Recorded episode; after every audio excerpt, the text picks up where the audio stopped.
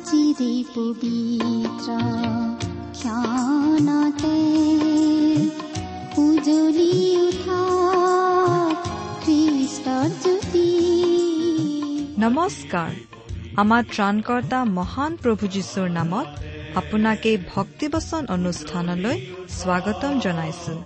এয়া মুকলি কৰিছো ঈশ্বৰৰ জীৱিত বাক্যৰ ধাৰাবাহিক অনুষ্ঠান ভক্তিবচন। মুখৰিত কৰি গাওঁ হাৱে মিলি প্ৰশংসা গীতি আজিৰে পবিত্ৰ ক্ষণতে উজলি উঠা খ্ৰীষ্টৰ জ্যোতি আপোনাৰ জীৱনত যদি শান্তি পাব বিচাৰে তেন্তে এয়া ঈশ্বৰৰ বাক্যৰ সান্তনা বাক্য ভক্তি বচন।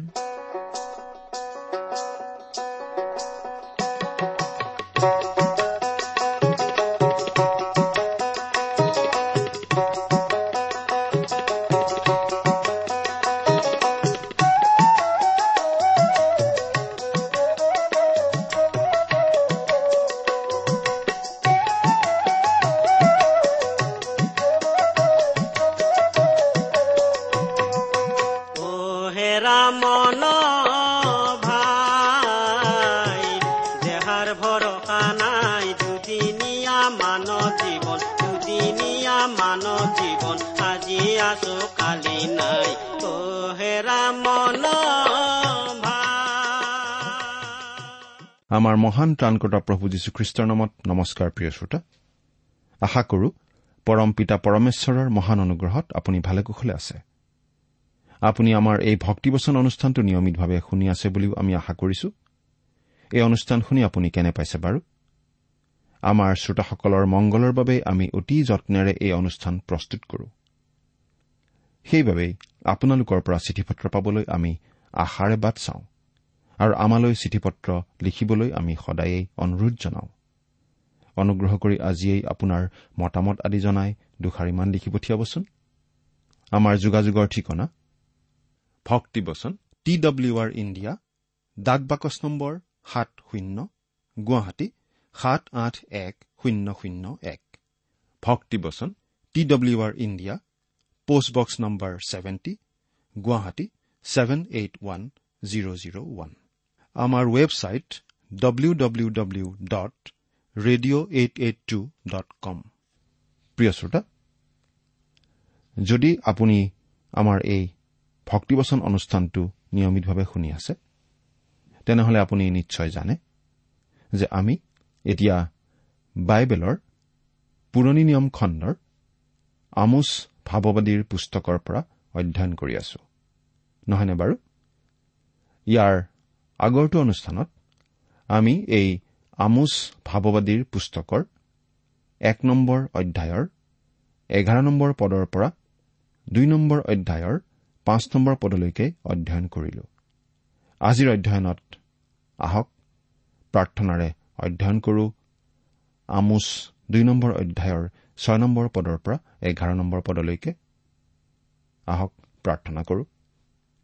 হে মংগলময় পৰম পবিত্ৰ পৰিত্ৰাতা প্ৰভু যীশু আপোনাৰ নাম ধন্য হওক। আপোনাৰ নাম পূজ্য হওক। সৰগৰ দৰে ধৰাৰো সৰ্বত্ৰতেই আপোনাৰ ইচ্ছাই ইচ্ছা হওক। আমি আপোনাৰ পবিত্ৰ নামৰ বন্দনা কৰো। আমি আপোনাৰ মহান নামৰ গৌৰৱ আৰু স্তুতি কৰো। আমি আপোনাৰ চৰণতলিত এই প্ৰাৰ্থনা ৰাখো। আপোনাৰ শ্ৰোতাসকলে আপোনাৰ অতি জীৱনদায়ক বচনৰ বাণী বুজি পাবলৈ আৰু বুজি পাই সেই বচনৰ দৰে জীৱনৰ মহৎ সিদ্ধান্ত লৈ আপোনাৰ দেশলৈ গমন কৰিবলৈ আপুনি দয়াদান কৰক। আপুনি আশীৰ্বাদ কৰক। আপোনাৰ পবিত্ৰ নামতে এই প্ৰাৰ্থনা উৎসৰ্গ কৰিলো। হে পৰিত্ৰতা যীশু। আমেন।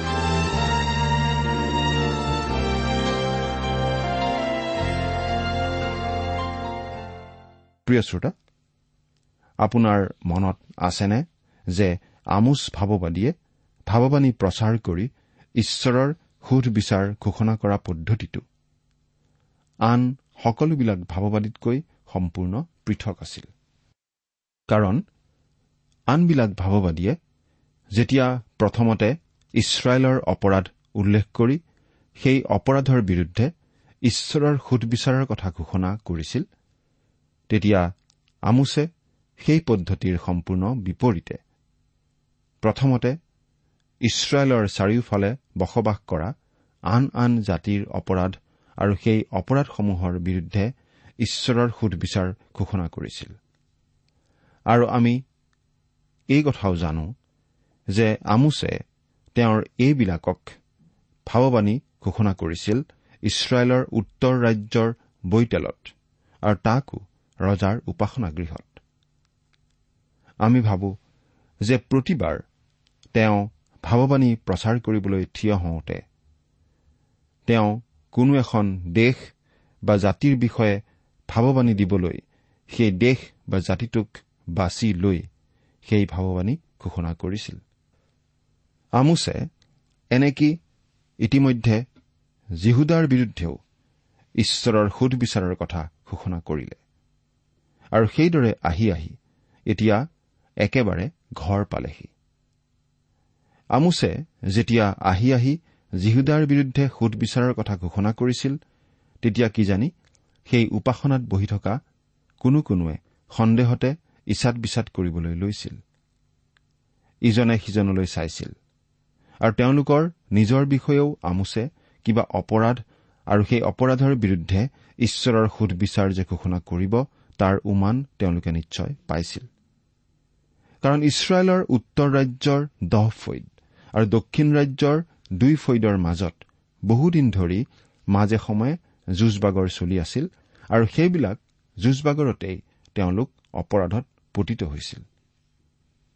কেতিয়াবা কেতিয়াবা মিত্ৰতা স্থাপন কৰিছিল তেওঁলোকৰ সকলোৰে শত্ৰুৰ বিৰুদ্ধে একেলগে থিয় দিবলৈ। তাৰ বাহিৰে প্ৰায়বিলাক সময়তেই তেওঁলোক পৰস্পৰে পৰস্পৰৰ শত্ৰুৰূপে জীৱন কটাইছিল। সেয়ে যেতিয়া আমোছে জিহুদাৰ বিৰুদ্ধে ঈশ্বৰৰ সুধবিচাৰ ঘোষণা কৰিছিল তেতিয়া ইছৰাইলৰ উত্তৰ ৰাজ্যৰ ইছৰাইলীয়া লোকসকলে আমোচৰ ঘোষণাত আমেন বুলি কৈছিল। ভালেই পাইছিল। তেওঁলোকে আমোচৰ কথাৰ সমৰ্থন কৰি কৈছিল যে জিৰচালেমৰ লগতে গোটেই জিহুদা ৰাজ্য ধ্বংস হ'ব লাগে। ঈশ্বৰে ধ্বংস কৰিব লাগে। কিন্তু ইছৰাইলৰ উত্তৰ ৰাজ্যৰ জানো একো অপৰাধ নাছিল। ছয় নম্বৰ পদৰ পৰা তাৰ বিষয়ে আমোছে কথা কোৱা আমি পাম।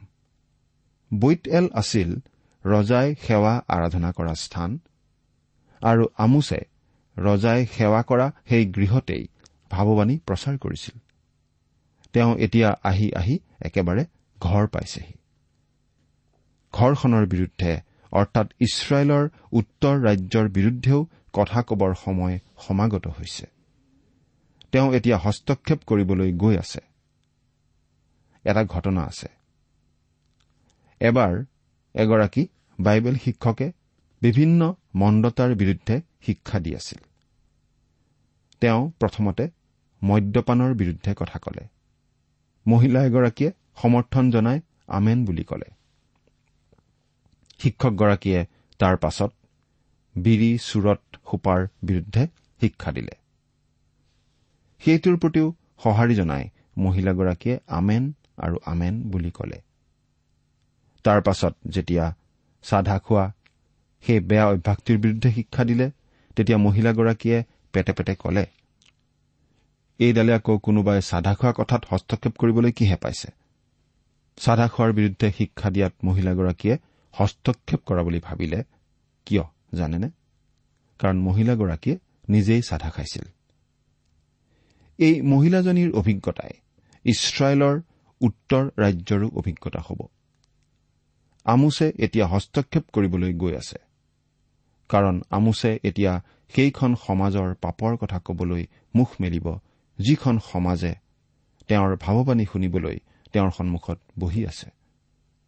কোনো আন জাতিৰ অপৰাধৰ কথা এতিয়া আমোছে ঘোষণা নকৰি ঘোষণা কৰিব ইছৰাইলৰ উত্তৰ ৰাজ্যৰ অপৰাধৰ কথা। ঈশ্বৰৰ বিধান তেওঁলোকৰ বাবেও দিয়া হৈছিল। তেওঁলোককো ঈশ্বৰৰ ব্যৱস্থা পালন কৰিবলৈ শিক্ষা দিয়া হৈছিল। আমোছে কি কৈছে শুনক? জিহুৱাই এই কথা কৈছে ইছৰাইলৰ তিনিটা অপৰাধৰ এনেকি চাৰিটা অপৰাধৰ নিমিত্তে মই তাক দণ্ড নিদিয়াকৈ নেৰো। কিয়নো সিবিলাকে ৰূপৰ নিমিত্তে ধাৰ্মিকক আৰু এযোৰ জোতাৰ নিমিত্তে দৰিদ্ৰক বেচিলে। আমোছে কৈছিল জিহুৱাই এই কথা কৈছে। প্ৰিয় শ্ৰোতা কোনো কোনো শিক্ষকে কেতিয়াবা কেতিয়াবা কয় মই কৈছো বা মই কওঁ। কিন্তু সৰগৰ কিবা কথা বা ঐশ্বৰিক কোনো বাণী আপুনি বা মই ক'ব পাৰোনে? মনত ৰাখিব প্ৰিয় শ্ৰোতা যে ঈশ্বৰৰ দাসসকলে সদায়েই ঈশ্বৰে কোৱা কথাহে ক'ব লাগে আৰু কয়।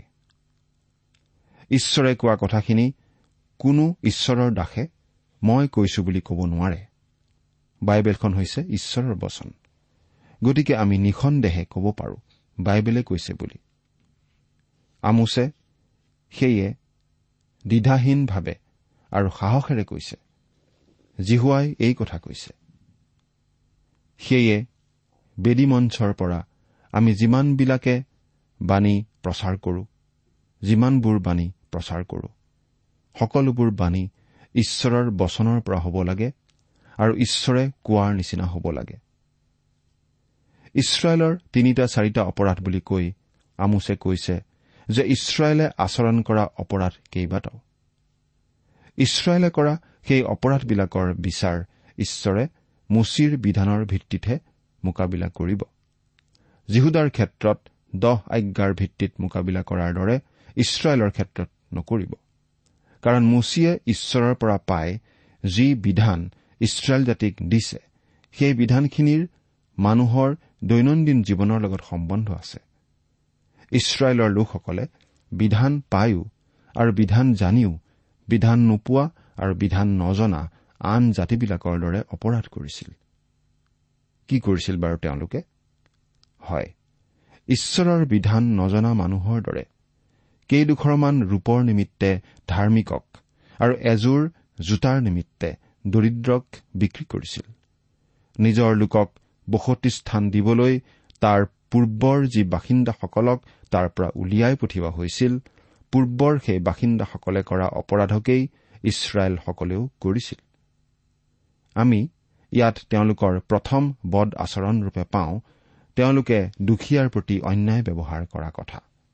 আমি পাওঁ যে আমোছে দৰিদ্ৰসকলৰ বহু কথাই কৈছে। আমোচ চাৰি নম্বৰ অধ্যায়ৰ এক নম্বৰ পদত আমি এইদৰে পাওঁ। চমৰীয়া পৰ্বতত বাস কৰা দুখীয়াক অত্যাচাৰ কৰা দিনহীনক চূৰ্ণ কৰা আৰু আনা আমি পাণ কৰো হওক এইবুলি নিজ নিজ স্বামীক কোৱা হে বাছানিয়া গাইবোৰ তোমালোকে এই বাক্য শুনা। আমোছে আকৌ কৈছে তোমালোকে দুখীয়াক গছকাৰ নিমিত্তে আৰু তাৰ পৰা অন্যায়ৰূপে ঘেঁহু ধান আদায় কৰাৰ বাবে। পাঁচ নম্বৰ অধ্যায়ৰ এঘাৰ নম্বৰ পদ। প্ৰিয় শ্ৰোতা ভাৱবাদীৰ পুস্তকসমূহ অধ্যয়ন কৰিলে আমি দেখিবলৈ পাওঁ যে প্ৰভু যীশুখ্ৰীষ্ট এই জগতলৈ ঘূৰি নহা পৰ্যন্ত। এই জগতৰ দৰিদ্ৰ লোকসকলে তেওঁলোকৰ জীৱনত কাহানিও আৰু ন্যায় ব্যৱহাৰ নাপাব। দৰিদ্ৰতা দূৰীকৰণৰ কথাহে আমি শুনি আছিলো আৰু শুনি থাকো। কিন্তু তাৰ বিপৰীতে এতিয়া মাজে সময়ে আমি শুনিবলৈ পাওঁ যে দৰিদ্ৰসকলহে অ'ত ত'ত দূৰ হ'ব লগা হৈ আছে দৰিদ্ৰতাৰ তাৰণাত।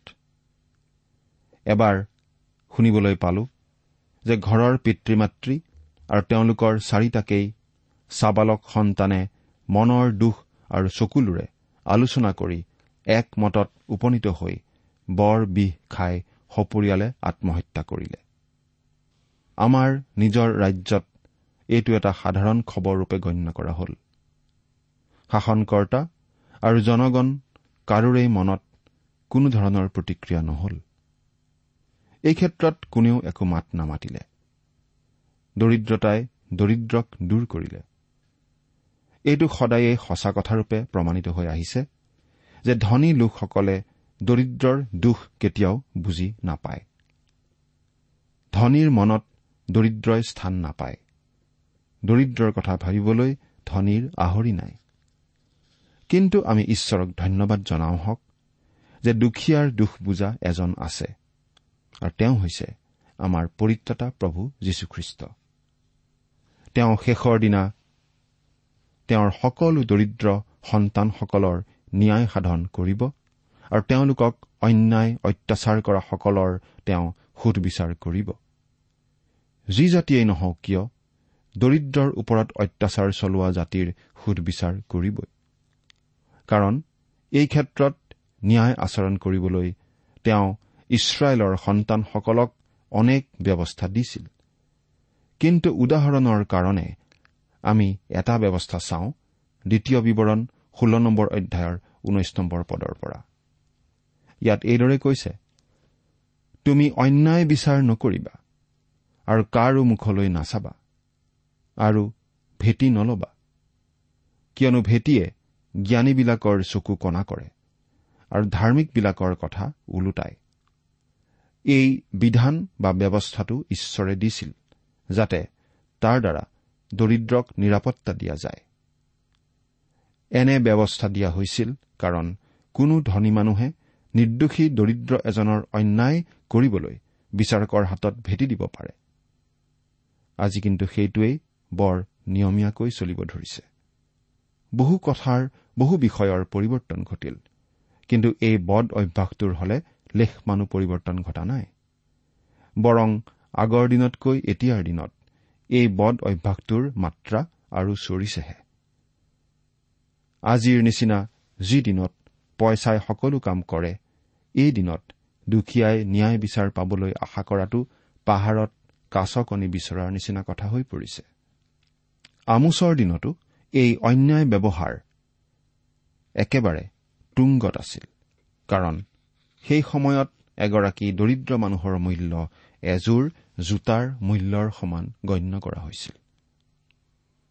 আমোচ দুই নম্বৰ অধ্যায়ৰ সাত নম্বৰ পদ পাঠ কৰি দিছো। তেওঁলোকে দিনহীনবিলাকৰ মূৰত লাগি থকা ধূলিকণাখিনিলৈকো আশা কৰে। নম্ৰ লোকসকলৰ বাটত বাধা জন্মায় আৰু মোৰ পবিত্ৰ নাম অপবিত্ৰ কৰিবৰ নিমিত্তে বাপেক আৰু পুতেকে একে যুৱতীতে গমন কৰে। তেওঁলোকে অৰ্থাৎ ধনী লোকে দিনহীনবিলাকৰ মূৰত লাগি থকা ধূলিকণাখিনিলৈকো হেঁপাহ কৰা কথাই অনেক কথা বুজাব পাৰে। কিন্তু দৰিদ্ৰৰ সামান্য কিবা অকণ থকাটোকো ধনীয়ে সহিব নোৱাৰি সেইকণকো হাত কৰি লোৱাৰ কথাকে ইয়াত বুজোৱা হৈছে। আন কথাত কবলৈ হলে ধনী শ্ৰেণীটো এশভাগৰ এশভাগ হৈ থাকিব লাগে কিন্তু দৰিদ্ৰ সদায় শূন্য হৈ থাকিব লাগে। সেয়াই ধনীবিলাকৰ নিষ্ঠুৰ ধাৰণা। সেয়া ধনীবিলাকৰ লোভ। ধন আৰু সা সম্পত্তিয়েই ধনী লোকৰ উপাস্য দেৱতা। সেই ধন দেৱতাৰ পূজা কৰি দৰিদ্ৰক অত্যাচাৰ কৰা কোনো ব্যক্তি আৰু কোনো জাতিক ঈশ্বৰে দণ্ড নিদিয়াকৈ নেৰে। আৰু নম্ৰ লোকসকলৰ বাটত বাধা জন্মাই মানে হৈছে যে নম্ৰবিলাকৰ নম্ৰতাৰ সুযোগ লৈ তেওঁলোকক ন্যায় ব্যৱহাৰৰ পৰা বঞ্চিত কৰাক বুজাইছে। কিয়? কাৰণ নম্ৰলোকে জোৰেৰে মাত নামাতে বাদানুবাদ বা তৰ্ক বিতৰ্ক নকৰে। আৱাজ কৰি থকা চকাইহে তেল পায় বোলা ফকৰা যোজনা সাৰৰ অৰ্থ সেইদৰেই সঁচা। নম্ৰ লোকসকল আজি জগতখনৰ অধিকাৰী নহয়। লোভিয়া প্ৰচণ্ড অত্যাচাৰী আৰু ধনী মানি সকলহে আজি জগতখনৰ অধিকাৰী। দৰিদ্ৰ আৰু নম্ৰসকলে আমোচৰ দিনত ন্যায় লাভ কৰিব পৰা নাছিল আৰু আজিও পৃথিৱীৰ কোনো ঠাইতেই তেওঁলোকে ন্যায় লাভ কৰিব পৰা নাই। মোৰ পবিত্ৰ নাম অপবিত্ৰ কৰিবৰ নিমিত্তে বাপেক আৰু পুতেকে একে যুৱতীতে গমন কৰে। এই যুৱতীগৰাকী বেশ্যাবৃত্তিৰ যুৱতী। এয়া হৈছে চৰম ব্যভিচাৰ। আজিৰ উদাৰপন্থীসকলে ইয়াকে নতুন নৈতিকতা বুলি কয়। কিন্তু ই অকণো নতুন নহয়। আৰু ই নৈতিকতাও নহয়। বৰং ই হৈছে আমোচৰ দিনৰে পৰা আনকি আমোচৰ দিনৰো বহু আগৰে পৰা। অতি পুৰণি অনৈতিক আৰু ঈশ্বৰৰ দৃষ্টিত অতি ঘীনলগীয়া অপৰাধ। আমি ইয়াত দেখিছো যে এইবোৰ অপৰাধৰ বিৰুদ্ধে ঈশ্বৰে স্পষ্ট ব্যৱস্থা দিয়াটো তেওঁলোকে ব্যৱস্থা বা বিধান ভংগ কৰিছিল। আমি ইয়াত এই কথাটোকো দেখিছো যে আমোচৰ বিখ্যাত বা জনপ্ৰিয় হোৱাৰ লোভ নাছিল। ঈশ্বৰে যি কবলৈ কয় তাকে ৰহন নশনাকৈ তেনেভাৱেই বৰ নিৰ্ভীকতাৰে ঘোষণা কৰাটোৱেই তেওঁৰ লক্ষ্য আছিল আৰু তাকে কৰোতে তেওঁ জনপ্ৰিয় হৈছিল নে অপ্ৰিয় হৈছিল তাকে চিন্তা কৰি তেওঁ তেওঁৰ মূৰৰ বিষ তুলি লোৱা নাছিল। জনপ্ৰিয় হবলৈ মন কৰাহেঁতেন তেওঁ তেলীয়া তালিয়া কথাৰে ধনীসকলৰ পক্ষলৈ কথা কব পাৰিলেহেঁতেন। আৰু ঈশ্বৰে কবলৈ দিয়াৰ দৰে নকৈ নিজৰ অবিশ্বাস দুৰ্বলতা অবাধ্যতা প্ৰকাশ কৰি তেওঁ ঈশ্বৰৰ দণ্ডৰ পাত্ৰ হলহেঁতেন। কিন্তু তেওঁ জনপ্ৰিয় হবলৈ বিচৰা নাছিল। তেওঁ দুখীয়াৰ পক্ষ লৈ তেওঁলোকক অন্যায় কৰা ধনীসকলৰ ওপৰত ঈশ্বৰৰ সুদবিচাৰ ঘোষণা কৰিছিল। দুখীয়াসকলক অত্যাচাৰ কৰা আৰু অসৎ যৌনাচাৰৰ বিৰুদ্ধে তেওঁ ঈশ্বৰৰ সুদবিচাৰ ঘোষণা কৰিছিল। আমোচ দুই নম্বৰ অধ্যায়ৰ আঠ নম্বৰ পদ পঢ়ি দিছো। ইয়াত এনেদৰে পাওঁ আৰু তেওঁলোকে প্ৰত্যেক যজ্ঞবেদীৰ কাষত বন্ধক লোৱা কাপোৰৰ ওপৰত দীঘল দিয়ে আৰু তেওঁলোকে জৰিমনা কৰি লোৱা কাপোৰৰ ওপৰত দীঘল দিয়ে। আৰু তেওঁলোকে জৰিমনা কৰি লোৱা দ্ৰাক্ষাৰস তেওঁলোকৰ দেৱতাৰ গৃহত পান কৰে।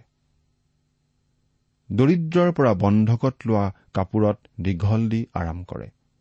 কিন্তু সেই ক্ষেত্ৰত দ্বিতীয় বিৱৰণ চৌব্বিছ নম্বৰ অধ্যায়ৰ বাৰ আৰু তেৰ নম্বৰ পদত অতি স্পষ্ট বিধান দি কোৱা হৈছে যে দৰিদ্ৰৰ কাপোৰ বন্ধকত ললেও বেলি মাৰ যোৱাৰ লগে লগে সেই বস্ত্ৰ ব্যৱহাৰ কৰিবৰ নিমিত্তে দুখীয়াক ঘূৰাই দিব লাগে। কিন্তু সেই আজ্ঞাও ধনীসকলে উলংঘন কৰিছিল। ইছৰাইলৰ কেৱল এটাই মন্দিৰ উপাসনাৰ বাবে থাকিব লাগে আৰু সেয়া জিৰচালেমতে আছিল। কিন্তু তেওঁলোকে ঘৰে ঘৰে উপাসনা গৃহ সাজি লৈছিল। কাৰণ তেওঁলোকে বিজাতীয় জাতিৰ দেৱতা পূজা কৰাত ধৰিছিল। আৰু সেই দেৱতাৰ পূজাগৃহত তেওঁলোকে দুখীয়াৰ পৰা জৰিমনাৰূপে লোৱা দ্ৰাক্ষাৰস পান কৰিছিল।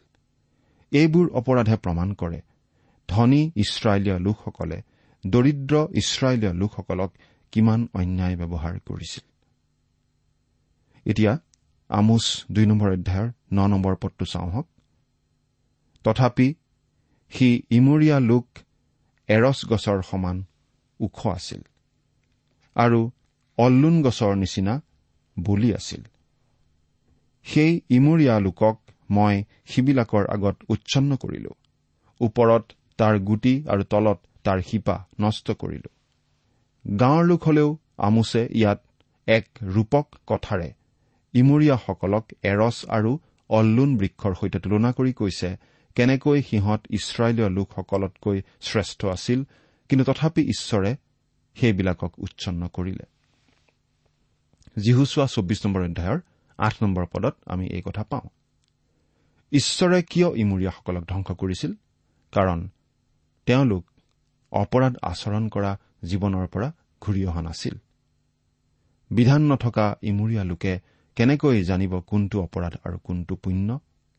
বিধান নাছিল সঁচা কিন্তু ঈশ্বৰ প্ৰদত্ত বিবেক আছিল। চাৰিশ বিছ বছৰ সময় ইমূৰীয়াসকলে মন পালটনৰ সুবিধা পাইছিল কাৰণ সিমান বছৰ ইছৰাইলৰ সন্তানসকল মিছৰ দেশত আছিল। সেই সময়ছোৱাতে বিবেকৰ বিচাৰতে তেওঁলোকে অসৎ জীৱনৰ পৰা সৎ জীৱনলৈ পালটিব পাৰিলেহেঁতেন। কিন্তু তেওঁলোক নুঘূৰিল।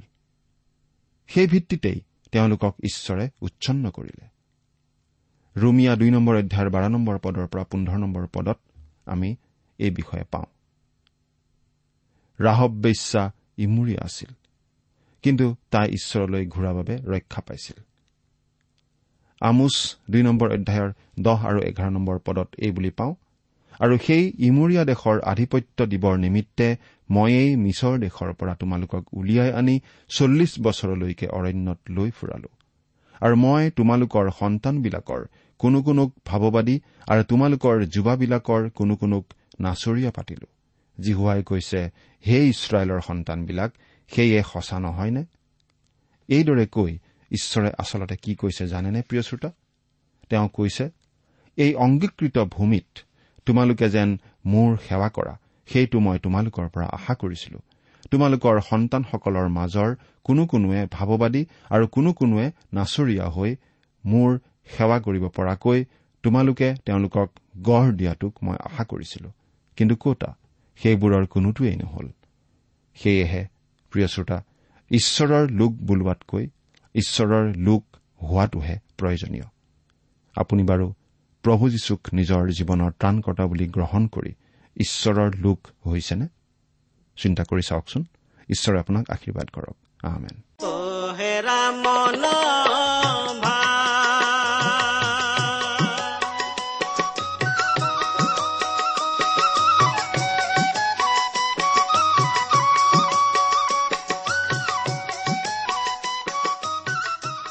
ইমান পৰে আপুনি ভক্তিবচন অনুষ্ঠানটি শুনিলে। অনুষ্ঠানটি শুনি কেনে পালে? আমালৈ চিঠি লিখি জনাবচোন।